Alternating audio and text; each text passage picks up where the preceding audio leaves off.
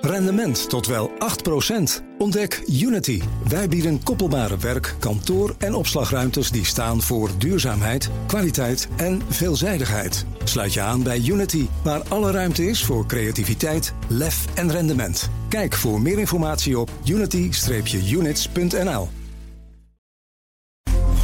BNR Beurs wordt mede mogelijk gemaakt door Bridge Fund. Make money smile.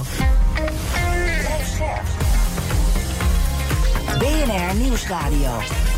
BNR Beurs. Wesley Weert. De zomer is terug en wij ook met een nieuwe aflevering van BNR Beurs. Goed dat je luistert. Het is dinsdag 5 september, de dag waarop de olieprijs op het hoogste punt staat sinds afgelopen herfst. De prijs breekt door de 90 dollar grens. And this is after Saudi Arabia said that it was going to extend its voluntary cut through uh, until December. That is a three-month extension. En de gast is Luc Holtappels van ING Investment Office. Hallo Luc. Goeie, goedenavond. En we gaan het met z'n tweeën doen vandaag. Ben je Ja. er klaar voor? Zeker, absoluut. Ik, ik, ik heb er zin in. Nou, dan gaan we dat eh, doen. De AX die kwam nauwelijks van zijn plek en eindigt onveranderd op 747 punten. Aandeel dat keihard omlaag gaat, dat is opvallend. Aal Delhaize verliest dik 6% En zometeen hebben we het uitgebreid over Ahold. Dat beleeft zijn slechtste beursdag in bijna een jaar tijd. En dat is de schuld van JP Morgan. Nou, zometeen hoor je hoe dat zit. Maar eerst ander nieuws. Wat viel jou op, Luc? Nou, iets wat mij vandaag heel erg opviel, dat was nieuws waarmee eh, Adyen vandaag eh, kwam.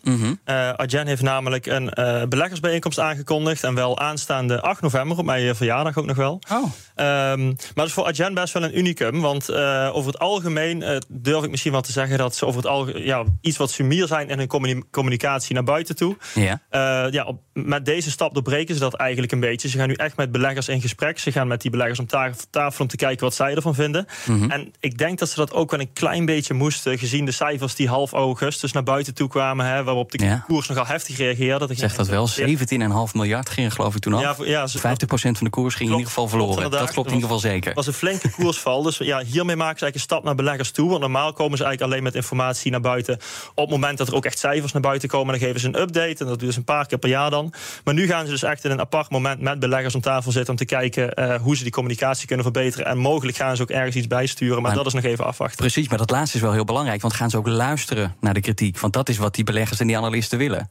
Nou, een, een deel van de kritiek was dat de communicatie te sumier was. Hè? Dus door een beleggersdag te organiseren, doe je eigenlijk automatisch al iets. Dus maar ja, als je dan nog steeds met je handen voor je oren eh, zit ja, en niet luistert, dan schieten we er nog niks mee op. Nee, dat klopt inderdaad. En ik, eh, ik denk dat ze hiermee vooral op de eerste plaats dus gewoon willen aangeven dat ze echt wel naar beleggers luisteren. Dus dat ze echt wel mee willen denken en dat ze ook met in gesprek willen gaan. Maar ik verwacht geen enorme koersshifts. En ik denk ook niet dat dat heel erg sterk zou zijn. Hè. Kijk, Adyen heeft altijd eh, gepretendeerd dat ze echt voor een lange termijn visie willen gaan.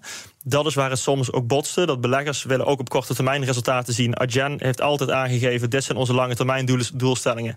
En geeft daarbij eigenlijk vrij weinig vrij qua omzetverwachtingen op korte termijn. Ja. Ehm, ja, dus, en ik denk dat ze ook wel redelijk aan die koers gaan vasthouden. Ook met meer personeel wat ze hebben aangetrokken hebben. Ja, die gaan ze niet meteen weer ontslaan. Nee, dat lijkt me ook wat om dat meteen weer op straat te zetten. En eh, dat is ook iets waar kritiek op was. Het was ook vrij duur personeel. Hè? Maar die, die markt is op dit moment heel erg krap. Eh, Ja. Zij hebben ervoor gekozen om daar toch in te blijven investeren. En het lijkt me toch niet dat ze daarna van gaan afwijken. Want Nee. ja, beleggers waren niet altijd even blij met die verhoogde kosten. Maar ik denk dat het op de lange termijn misschien toch wel interessant of goed kan zijn dat ze dit zo op deze manier aanpakken. Ja, het waren ook allemaal techneuten, daardoor waren ze zo duur. Wat mij nog opviel, die beleggersdag die wordt georganiseerd in San Francisco en niet in Amsterdam. Hier zit het hoofdkantoor, bedrijf heeft hier een beursnotering. Wat zegt dat? Ehm, nou, ik denk dat je niet te veel achter moet zoeken. Eh, kijk, Adyen is natuurlijk. Het, het is niet, eigenlijk niet alleen meer een Nederlandse onderneming meer. Het is zo'n groot bedrijf met zoveel klanten. Ze hebben wereldwijd 5000 klanten met eh, namen als eh, Facebook, dus Meta, Ja. Spotify, Netflix, Uber. Dus het is echt een wereldwijd bedrijf. En Maar zeggen ze hiermee niet, onze beleggers zitten eigenlijk in Amerika en niet in dat kleine kikkerlandje hier ja, in dat, Nederland? dat is eigenlijk de voornaamste reden dat ze het in San Francisco doen. Daar zitten de grote investeerders. En daar willen ze dus ook laten zien van... joh, wij, zien jullie, we, zien dat jullie hier zitten... en we willen met jullie in gesprek. En eh, ik denk dat ze dat, eh, dat ze dat heel goed doen. En ik verwacht niet dat dat beleggers in Amsterdam... of op wat voor manier dan ook tegen de cerebeen zou stoten. Nee, dan naar een bedrijf waar we het ongetwijfeld nog veel vaker over gaan hebben. En ook nu weer. ARM. Gisteren hadden we het al over de waardering van de chipontwerper. Toen waren het nog geruchten en vandaag is het officieel. ARM hangt een prijskaartje van 52 miljard dollar aan zichzelf. Alleen dat is wel minder dan de bedragen die eerder circuleerden. Want eerder dit jaar was er nog sprake van 70 miljard dollar. Het is wel een pak lager, maar nog altijd ruim voldoende voor de titel grootste beursnieuwkomer van het jaar. Al zijn er ook zorgen bij beleggers. Met name over ARM's afhankelijkheid van China. Een kwart van de omzet komt daar namelijk vandaan. Is China inderdaad de zwakke plek bij ARM, Luc? Ja, ik, eh, misschien in zekere zin wel, maar daar speelt natuurlijk iets groters. Hè? Omdat er uh, al langer een handelsoorlog gaande is. Of dat was een paar jaar geleden, was dat meer in het nieuws. Hè? De laatste tijd is dat iets wat ondergesneeuwd door inflatie en rentenieuws. Maar hij is er nog steeds hoor. Maar hij is er in principe nog steeds. En ik denk dat dat de komende maanden of jaren nog wel eens een groter onderwerp kan uh, blijven eigenlijk. Ja. En nu, nu, nu er een soort, nu, nu dit dus plaats gaat vinden. en ARM heeft 25% van zijn omzet uit China. En zij zitten natuurlijk in die chipsector. Dat is iets wat politiek gevoelig ligt. Um, dus ik kan me best voorstellen dat uh, beleggers daar wel uh, zorgen over hebben. Ja, en de beursgang van ARM is niet alleen cashje voor de eigenaars, Softbank, maar ook voor de 28 banken die het bedrijf naar de beurs brengen. Die krijgen daarvoor ruim 100 miljoen dollar, dus voor het begeleiden daarvan. En dat heeft Bloomberg weten te achterhalen. En dat baseert zich op anonieme bronnen. Het grootste deel van die 100 miljoen gaat naar vier banken, waaronder Goldman Sachs en JP Morgan Chase. Dat zijn ook de belangrijkste banken bij die hele beursgang. En de rest wordt verdeeld onder de overige banken, de andere 24 stuks dus. En ik zag nog wat anders over China. Want China wordt namelijk mogelijk nooit de grootste economie van de wereld. En dat is een verhaal dat ik wederom bij Bloomberg zag. Dat verbaasde me, want voor de coronapandemie dacht zo'n beetje iedereen dat China al aan het begin van het volgende decennium de nummer één economie van de wereld zou worden en ook blijven. Maar die voorspelling die kan volgens economen van Bloomberg de prullenbak in. En het kwakkelende herstel van de Chinese economie is de boosdoener. China's economy losing further momentum. Okay, they are out and oh, wow, ooh, oh, not good. All right. China slowing down, of course, affects Asia, affects the world. Ja, dalende export, flinke vastgoedcrisis, dalende consumentenvertrouwen, uitgaven dat omlaag gaat. Ja, die Chinese economie die groeit gewoon veel minder dan we hadden verwacht. En die vertraging die houdt dus ook aan. En de VS daarentegen, ja, die staat er beter voor dan economen een tijdje geleden hadden voorspeld. Zo goed zelfs dat een recessie waarschijnlijk is afgewend. Maar ja, dat is dus ook de reden dat China het in relatieve zin dus minder goed doet en dus niet die nummer één positie wint waarschijnlijk.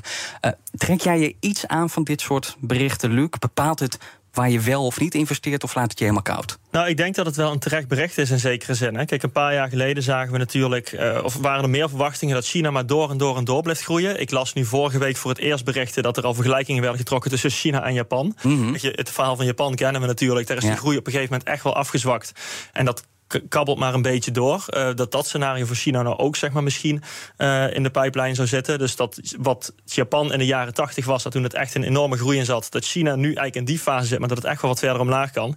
En ik denk ook vooral uh, dat je ook niet te snel tegen de Verenigde Staten in moet uh, betten. Uh, en dat China echt wel een kwakkelende economie is. En dat de problemen toch er echt wel nog wat structureler van aard zijn dan dat veel mensen denken. Dus ik, ik denk dat die berichten in zekere zin wel terecht zijn. En ik ben persoonlijk ook niet heel enthousiast over regio China op dit moment. En ik zou liever dan toch in de States zitten.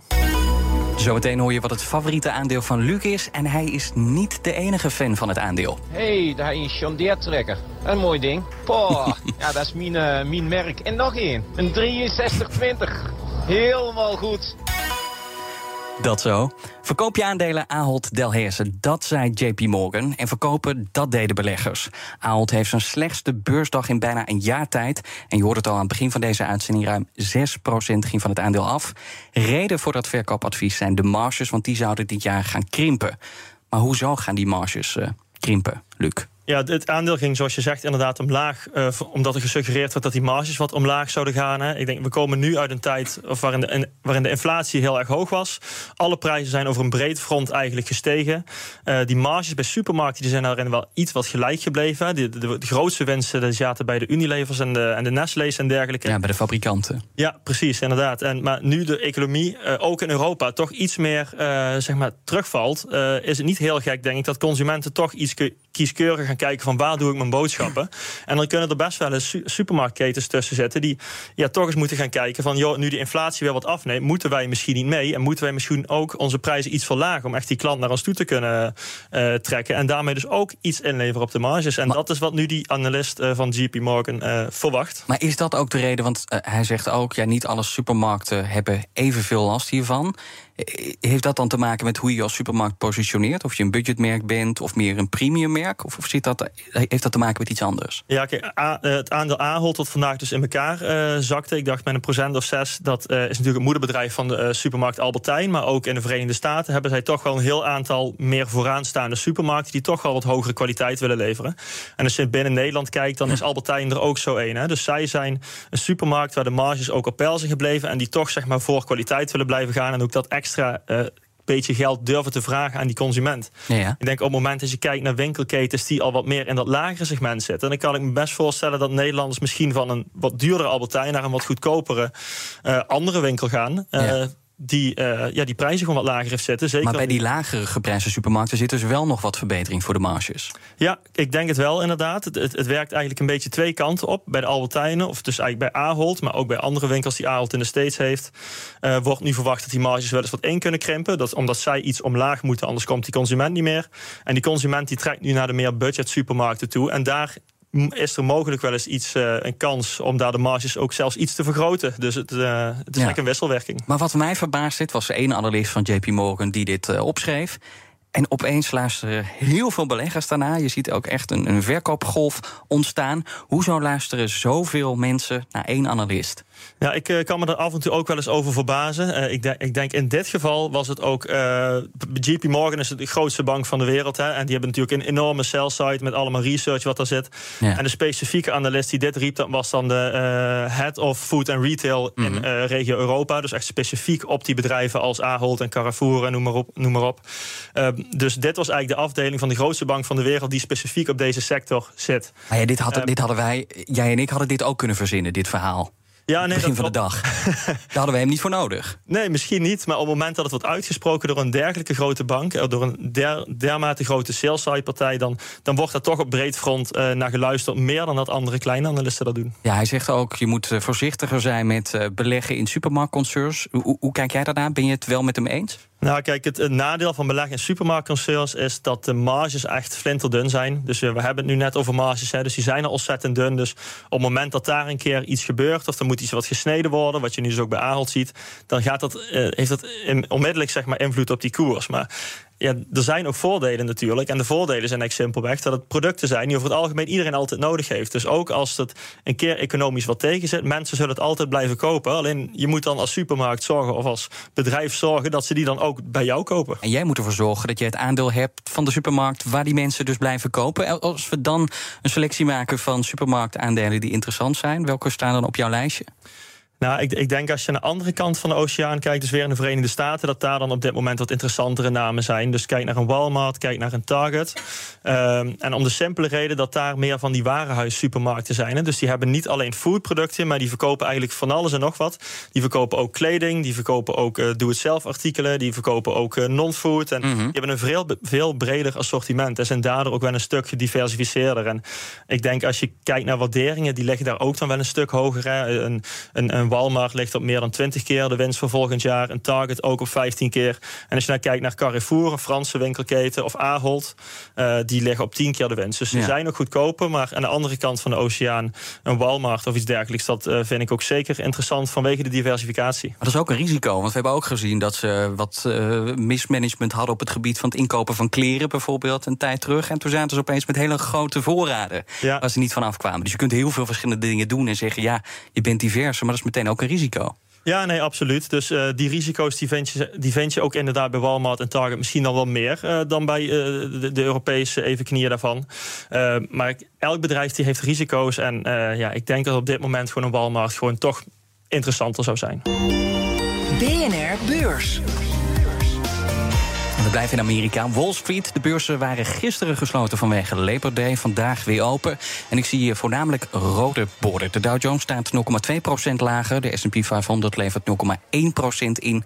De Nasdaq wint uh, ja, eigenlijk niks. Staat onveranderd.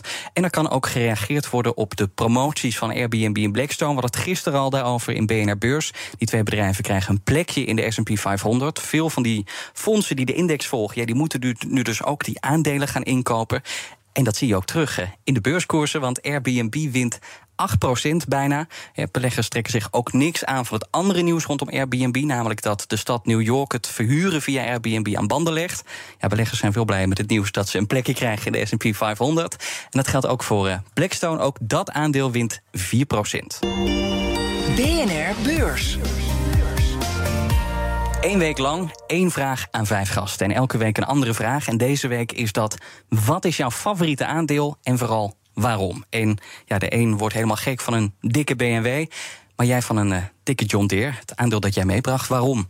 Ja, nee, mij werd inderdaad gevraagd of wat, wat één van mijn favoriete aandelen is dan. Hè. En ik heb inderdaad vandaag het aandeel Deere Company, oftewel het moederbedrijf achter uh, John Deere, uh, ja. de merknaam John Deere, meegenomen. Van de trekkers, tractors. Ja, ja nee, absoluut. Um, ja, wat zij dus inderdaad doen, zij zijn zelfs de grootste landbouwfabrikant ter wereld. Hè. Dus echt een enorm bedrijf.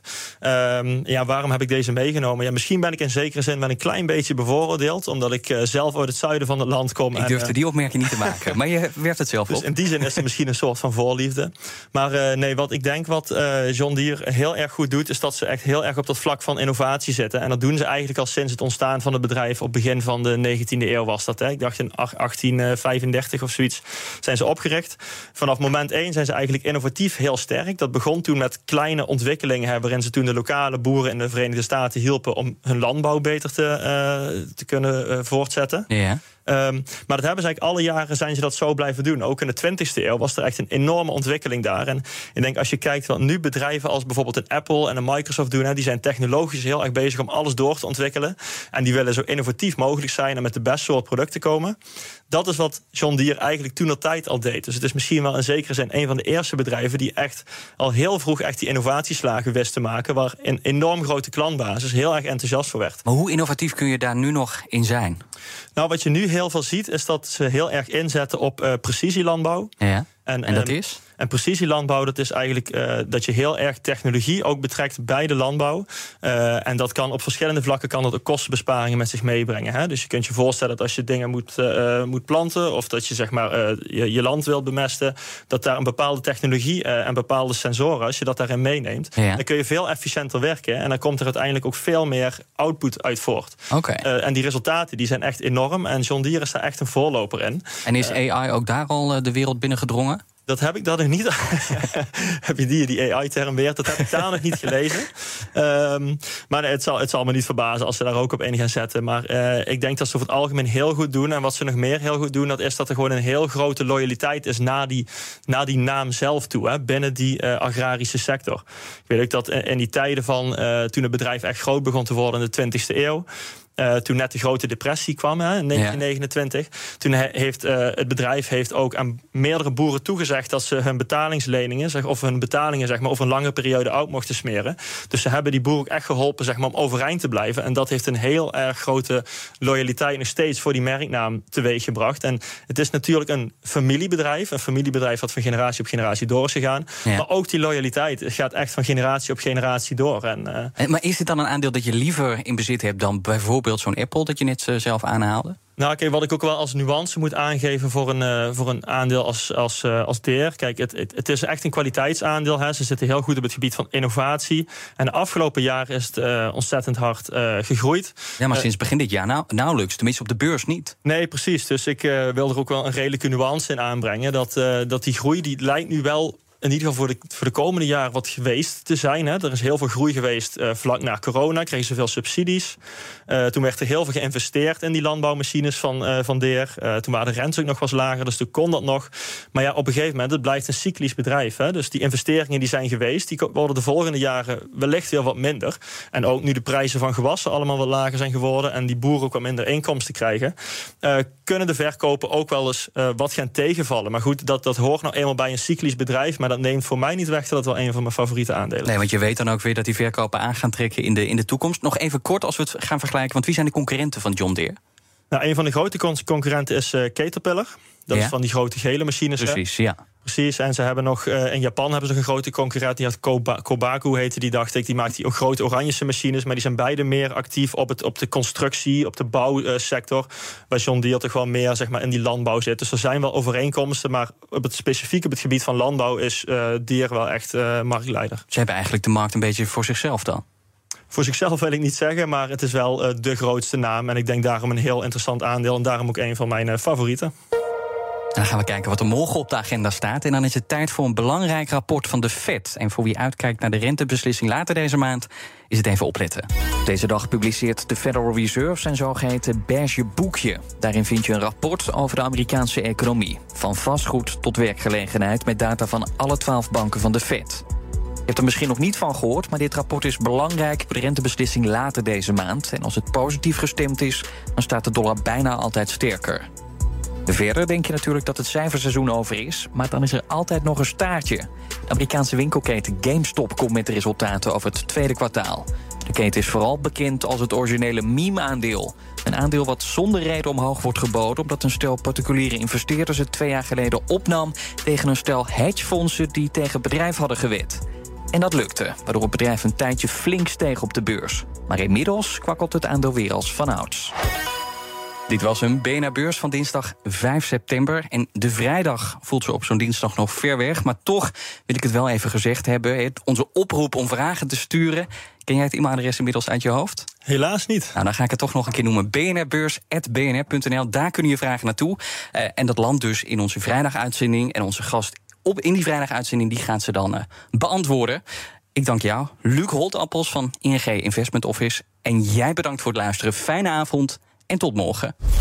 BNR Beurs wordt mede mogelijk gemaakt door Bridge Fund. Make money smile.